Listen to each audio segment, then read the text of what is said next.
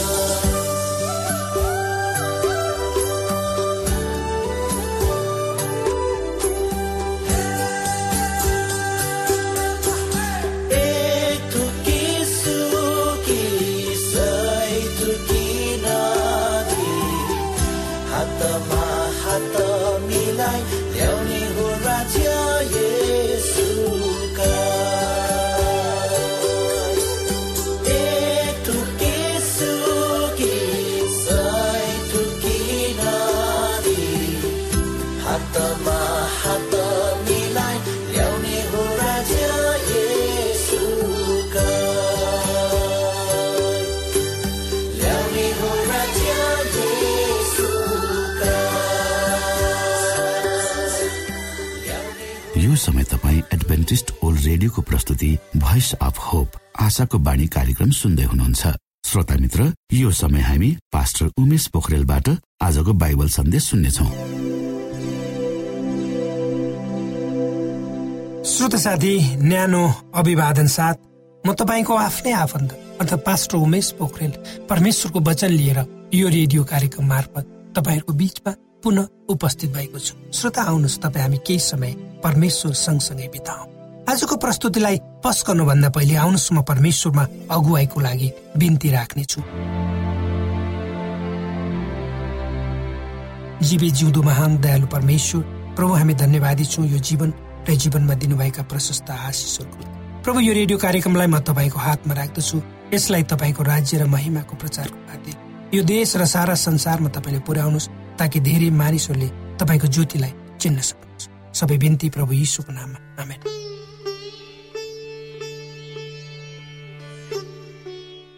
श्रोत साथी मृत्यु एकदम दुःखदायक घटना हो। जसको विषयमा तपाईँ हामी सोच्न पनि चाहँदैनौँ सुन्न पनि चाहँदैन। कतिपय मानिसहरूले सहजै भन्ने गर्छन् म त मर्छु तर जति सजिलै मर्छु भन्न सकिन्छ तर त्यो वास्तवमा होइन। मृत्यु एक चोरको रूपमा आउँछ र जसलाई तपाईँ हामी प्रेम गर्दछौँ अति माया गर्छौँ त्यसलाई थाहा नै नपाई नसोचेको किसिमले लिएर जान्छ। मानिस जन्मेपछि अवश्य मर्नुपर्छ भन्ने सत्य सबैलाई थाहा हुँदा हुँदा। आज मानिसहरूले आफू चाहिँ मर्नु पर्दैन। म सधैँ जीवित रहन्छु भन्ने किसिमको सोचाइ साथ। आज मानिस आफू चाहिँ मर्नु पर्दैन सधैँ जीवित रहन्छु भन्ने सोचाइको साथ हिँडेको देखिन्छ। मेरो बुझाइमा यसको पनि सकारात्मक एवं नकारात्मक पक्षहरू छन्। जस्तो लाग्छ। यदि मानिसले म मरिहाल्छु भनेर कुनै कुरा नगर्ने हो भने यो संसार कसरी चल्छ? आज संसारमा भएका प्रगति र विकासहरू मानिसको निरन्तर प्रयासको कारणले नै भएको हो। र यसको निम्ति मानिसमा जोस जाँगर निर्दिष्ट लक्ष्य र त्यसै अनुसार आफूलाई हिँडाउने वचनबद्धता हुनुपर्छ। र यसको निम्ति मानिसमा आशा र म केही गर्न सक्छु भन्ने दृढ अभिलाषा हुन जरुरी छ। तर जो मानिस म मरिहाल्छु मैले किन गर्नुपर्छ भन्ने भावनाद्वारा शिथिल जीवन बिताइरहेको हुन्छ। हुन्छ। जो मानिस म मरिहाल्छु मैले किन गर्नुपर्छ भन्ने भावनाद्वारा शिथिल जीवन बिताइरहेका रहेको हुन्छ। उसले आफ्नो जीवनमा कुनै प्रगति त गर्दैन तर समाज राष्ट्रलाई पनि केही कुरा दिन सक्दैन। त्यसकारण तपाईँ हामीले आफ्नो जीवनलाई उद्देश्यमूलक र अर्थपूर्ण रूपमा अगाडि बढाउनको निम्ति म मर्छु भन्ने भावनालाई हटाउनुपर्छ। ताकि तपाईँ जे गर्नुहुन्छ त्यसले तपाईँको जीवनको प्रस्फुटीकरण हुन्छ। र अर्कोतर्फ जब मानिस म एक दिन मर्छु भन्ने चेतना मानिसमा हुन्छ त्यसले उसलाई आफ्नो जीवन उद्देश्यमूलक एवं अनुशासित रूपमा जिउने प्रेरणा दिन्छ भने उसलाई अरूलाई पनि बचाउनु पर्छ भन्ने भावनाले डोर्याउँछ र खराब नराम्रा विचार क्षणिक स्वार्थ जस्ता आत्मकेन्द्रित कुराहरूबाट माथि उठ्छ। त्यसैले हाम्रो समाज आजसम्म चलिरहेको छ। सबैलाई एक अर्काको सहयोगको आवश्यकता पर्छ। संसारमा रहने कुनै पनि मानिस आफू आफैमा एक्लै बाँच्न सक्दैन। श्रोत साथी हामी मर्छौँ त्यसमा दुई मत छ तर जति यो संसारमा जिउँछौँ हामी जीवित भएर जिउनु पर्छ ताकि हाम्रो जियाइले हाम्रो घर परिवार समाज राष्ट्रलाई सहयोग गर्न सकोस्। र जब हामी यो संसारबाट विदा हुन्छौँ हामीले बाँच्दा गरेका कामहरूको सम्झना मानिसहरूले गरून् र मानिसहरूले हामीलाई सम्झिन। यो संसारमा जिउँदाखेरि संसारमा भएका सबै कुराहरू अस्थायी र यिनीहरूमा हामीले आफूलाई टाँसी राख्नु हुँदैन। एक दिन यी सबै कुराहरूलाई छोडेर जानुपर्छ भन्ने आत्मज्ञानद्वारा हामी निर्देशित भयौँ भने हाम्रो जीवन सन्तुलित रूपमा चल्छ। अर्थात् हामीले आफ्नो जीवनलाई सन्तुलित रूपमा चलाउनु पर्छ हामी मर्छौँ त्यो थाहा छ। त्यो कुरालाई जान्दा जान्दै जब जति बेलासम्म हामी जिउँछौँ त्यति बेलासम्म हामी जीवित भएर जिउनु पर्छ मरेको जियाइले वा मरेको जियाईको कुनै अर्थ हुँदैन सक्दा हामी जवान हुँदै देखि मृत्युको विषयमा विभिन्न किसिमले म पनि सोध्छु। मानिस जवान हुँदादेखि नै मृत्युको विषयमा विभिन्न किसिमले सोच्ने गर्दछ। हामीहरू जीवनको यात्रामा थकित हुन्छौँ भोकाउँछौँ। कहिलेकाहीँ बिमारी पनि हुन्छौँ। हामी संसारका धेरै ज्ञानहरू जान्नको निम्ति सङ्घर्ष गर्छौँ। विज्ञान र गणित सिक्नको लागि मेहनत गर्छौँ। रात दिन हामी पढ्छौँ। जब आफूले आफूलाई हेर्छौँ तब आफूमा भएको अपूर्णता हामी देख्छौँ र त्यसबाट आफूलाई परिवर्तन गर्न वा सुधार्ने प्रयत्न गर्छौँ। तर हामी केही समयपछि ती कुराहरू बिर्सन्छौँ वा गर्दैनौँ। हामीले जे गर्न चाहन्छौँ त्यसको कडा मेहनत र परिश्रम गर्नुपर्छ भन्ने कुरा बिर्सन्छौँ कहिलेकाहीँ हामी अति खुसी हुन्छौँ र कहिले हताश निराश पनि हुन्छौँ। तर जसो तसो दिनहरू बित्दै जान्छन् यी सबै कुराहरूले हामीलाई मृत्युको बाटोतिर झार्दै जान्छ यो कुरालाई हामीले बिर्सौँ मृत्युको सोचाइले मात्रै हामीलाई यस्तो लाग्छ हामी माथि एउटा कालो बादल मढारिरहेको छ। त्यो हामीबाट कहिले हट्दैन। तर हामी त्यो मृत्युरूपी कालो छायाबाट भाग्न चाहन्छौँ। र हामी ती ठाउँ र अवस्थाहरूको कल्पना गर्छौँ वा सपना देख्छौँ जहाँ मृत्यु कहिले हुँदैन र हामी सदा जीवित रहनेछौँ। र हामी हाम्रो कल्पनाको सानो स्वर्गको निर्माण गर्छौँ जुन स्वर्ग अहिलेको वर्तमान संसारको ठिक उल्टो हुन्छ। अहिलेको वर्तमान संसार जहाँ दुःख कष्ट रोग व्याध झै झगडा रिस इक अनि धेरै धेरै नराम्रा कुराहरू अनि मृत्यु तर हामीले कल्पना गरेको स्वर्ग वा संसार अर्कै हुन्छ जहाँ न त कुनै वर्ग समूह वा वाद विवाद न रोग व्याध न मृत्यु नै हुन्छ। त्यहाँ त परमेश्वरको शान्ति र आनन्द मात्र पाइन्छ।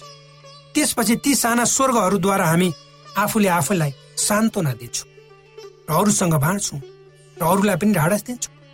यही नै एउटा जीवन हो श्रोता यही नै एउटा श्रोत साथी प्रभु यीशुले तपाईँ र मलाई जो यो संसारबाट अघाएका छौँ संसारबाट थिचिएका पिसिएका छौँ कष्टमा परेर त्यसबाट उम्कन चाहन्छु।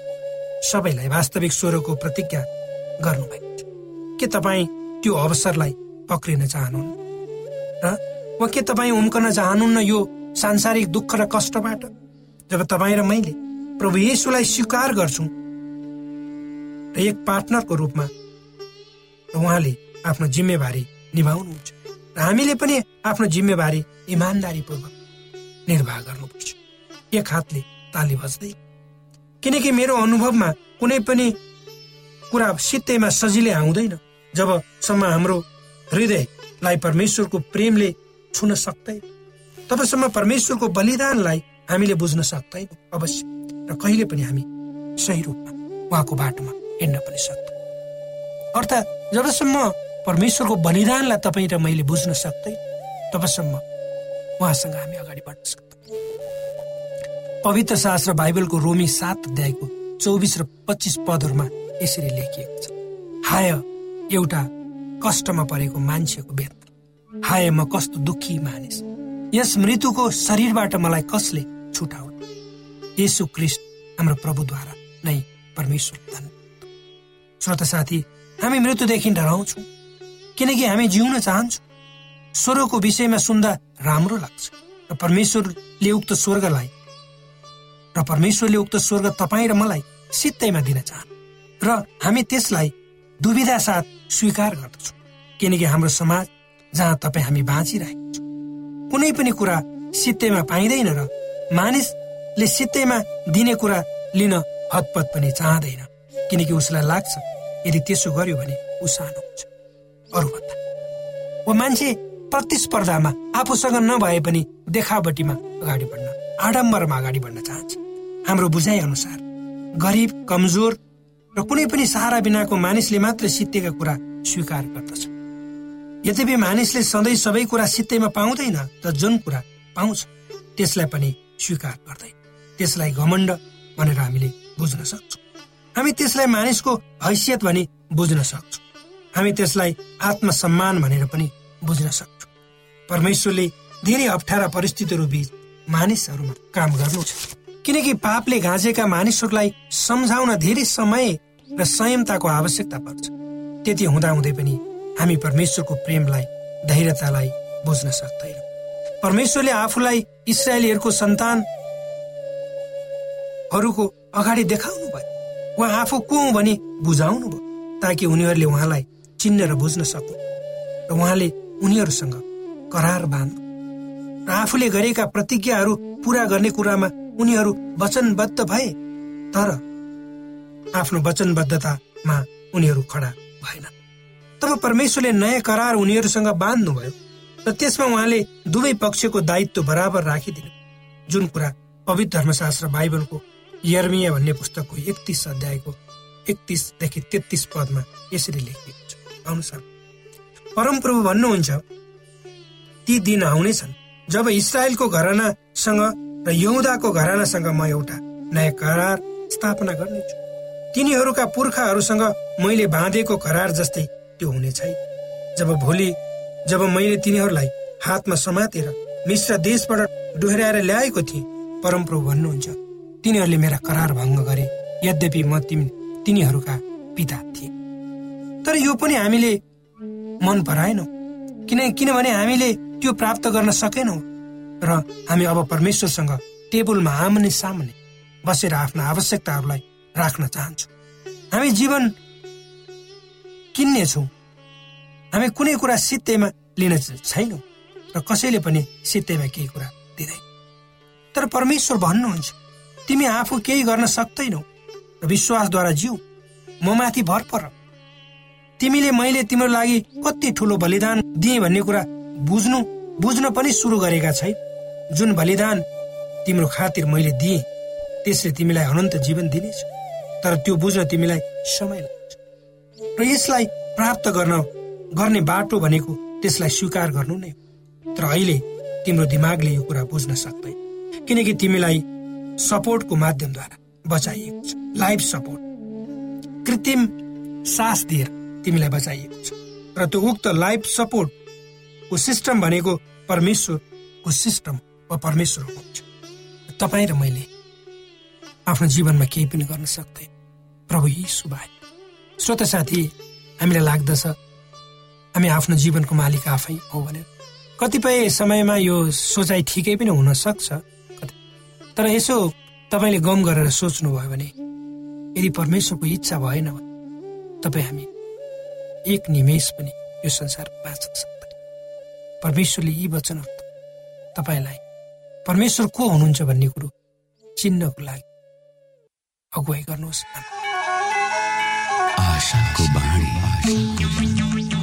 श्रोता भर्खरै यहाँले पास्टर उमेश पोखरेलबाट बाइबल वचन सुन्नुभयो। यो समय तपाईँ एडभेन्टिस्ट ओल्ड रेडियोको प्रस्तुति भोइस अफ होप आशाको बाणी कार्यक्रम सुन्दै हुनुहुन्छ। कार्यक्रम सुनेर बस्नुहुने सबै श्रोतालाई हामी हाम्रो कार्यक्रममा स्वागत गर्न चाहन्छौ।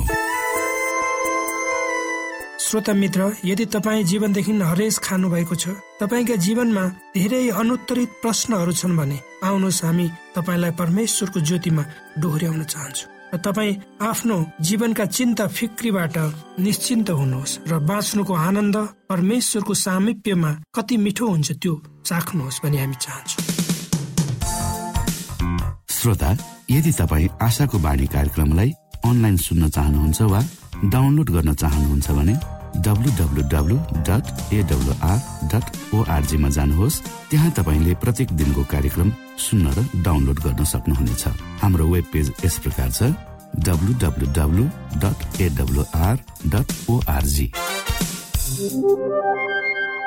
श्रोता यदि तपाईँ हामीसित सिधै फोनमा सम्पर्क गर्न चाहनुहुन्छ भने हाम्रा नम्बरहरू यस प्रकार छन्। अन्ठानब्बे एकसाठी पचपन्न शून्य एक सय बिस। अन्ठानब्बे एकसाठी पचपन्न शून्य एक सय बिस। र अर्को अन्ठानब्बे अठार त्रिपन्न पन्चानब्बे पचपन्न। अन्ठानब्बे अठार त्रिपन्न पन्चानब्बे पचपन्न। श्रोत साथी म तपाईँहरूको बिचमा आज एउटा सानो स्वास्थ्य सम्बन्धी जानकारी लिएर उपस्थित भएको छु। त्यो हो? धेरै पानी पिउनुहोस्।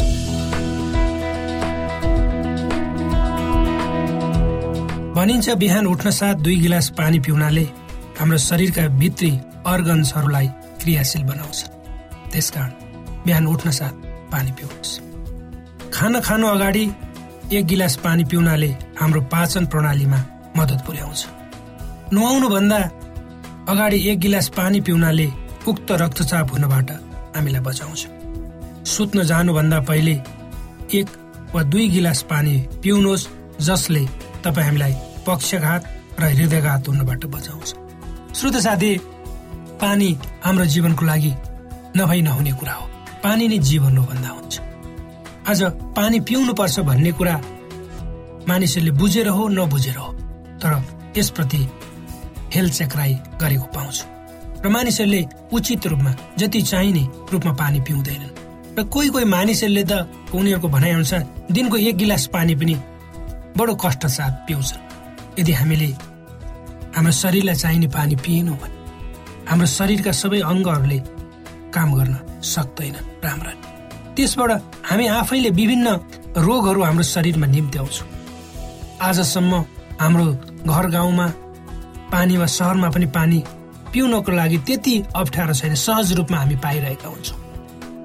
मानिसहरू अन्य कुराहरू पिउनको लागि लालयित हुन्छ तर पानी त्यो परमेश्वरको वरदान हो उपहार हो। त्यसलाई हामी पिउनु पर्छ हाम्रो लागि। र धेरै पानी पिउनुहोस्। तपाईँलाई टाउको दुखेको छ पानी पिउनुहोस्। तपाईँलाई पेटको समस्या छ पानी पिउनुहोस्। तपाईँलाई अरू कुनै किसिमका समस्याहरू छन् पानी पिउनुहोस्। र पानीले तपाईँ हामीलाई धेरै रोगहरूबाट बचाउँछ। कोभिड नाइन्टिनका सम्पूर्ण खोप वा भ्याक्सिनको सफल परीक्षण गरिएको छ। यी भ्याक्सिन लिनाले हामी गम्भीर बिरामी हुनबाट जोगिन सक्छौ। त्यसैले तपाईँ पनि यो खोप लिनुहोस्। यदि तपाईँलाई पहिले नै कोभिड पोजिटिभ देखिसकिएको छ भने तपाईँ यो खोप चाँडै नै लिनुहोस्। यसो गर्नाले हामी र हाम्रो समुदायमा रोग प्रतिरोधक शक्ति चाँडै नै आउनेछ र हामी सबैजना पहिले जस्तै सामान्य जीवनमा फर्कन सक्दछौ। युनेस्को डब्लुएचओ र रेडियो कार्यक्रम आशाको बाणीबाट जनहितमा जारी सन्देश।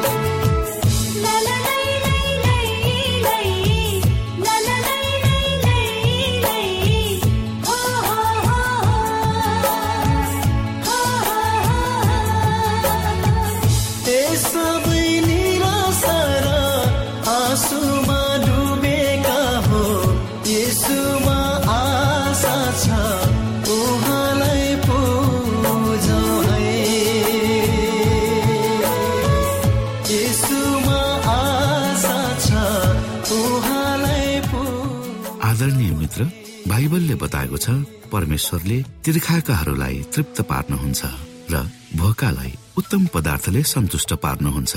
हामीलाई दिइएको यो छोटो समय आशाको बाणीको प्रस्तुतिको समयमा हामीले हाम्रा श्रोताको आत्मिक भोकलाई केही मात्रामा भए तापनि सही प्रकारको खोराक पस्केर आत्मिक सन्तुष्टि दिन सकेका छौँ केही ऊर्जा थप्न सकेका छौँ भनेर हामीले आशा राखेका छौँ। आफ्ना मनमा भएका केही दुविधा र शङ्काहरू छन् भने अवश्य हामीसँग बाँडेर शङ्काको निवारण गर्नुहुनेछ र सही प्रकारको बाटो पहिल्याउन सक्नुहुनेछ परमेश्वरको सच्चाइले अझ राम्रो बुझ्न सक्नुहुनेछ र आफ्नो जीवनलाई परमेश्वरमा पूर्ण समर्पित भएर समर्पण सहितको जीवन बिताउन सक्नुहुनेछ भनेर आशा राख्दै अब हामी हाम्रो कार्यक्रम सकिएको जानकारी यहाँलाई गराउन चाहन्छौ। जानुभन्दा अगाडि श्रोता हामी यहाँलाई हाम्रो ठेगानाको विषयमा जानकारी गरौं। हामीसँग पत्राचार गर्ने हाम्रो ठेगाना यस प्रकार छ। आशाको बाणी पोस्ट बक्स नम्बर दुई शून्य शून्य शून्य दुई काठमाडौँ नेपाल। आशाको बाणी पोस्ट बक्स नम्बर दुई शून्य शून्य शून्य दुई काठमाडौँ नेपाल। यसै गरी श्रोता यदि तपाईँ हामीसँग सिधै कुराकानी गर्न चाहनुहुन्छ भने हाम्रो फोन नम्बर यस प्रकार छ। अन्ठानब्बे एकसाठी पचपन्न शून्य एक सय बिस। र अर्को अन्ठानब्बे अठार त्रिपन्न पन्चानब्बे पचपन्न। यदि तपाईँ हामीलाई अनलाइन सुन्न चाहनुहुन्छ वा डाउनलोड गर्न चाहनुहुन्छ भने तपाईँ W W W dot AWR dot ओआरजीमा जानुहोस् र त्यहाँ तपाईँले हाम्रा सबै कार्यक्रमहरू सुन्न सक्नुहुनेछ। हाम्रो वेब पेज यस प्रकार छ W dot AWR dot ORG श्रोता यसमा गएर तपाईँले हाम्रा दैनिक कार्यक्रमलाई सुन्न सक्नुहुनेछ र डाउनलोड पनि गर्न सक्नुहुनेछ। हवस् त श्रोता हाम्रो कार्यक्रम सुनिदिनु भएकोमा एकचोटि फेरि यहाँलाई धन्यवाद दिँदै भोलि फेरि यही स्टेशन यही समयमा यहाँसँग भेट्ने आशा राख्दै प्राविधिक साथी राजेश पास्टर उमेश पोखरेल र कार्यक्रम प्रस्तुता म रवि यहाँसँग विदा माग्दछौ। परमेश्वरले तपाईँलाई धेरै धेरै आशिष दिनु भएको होस्। नमस्कार।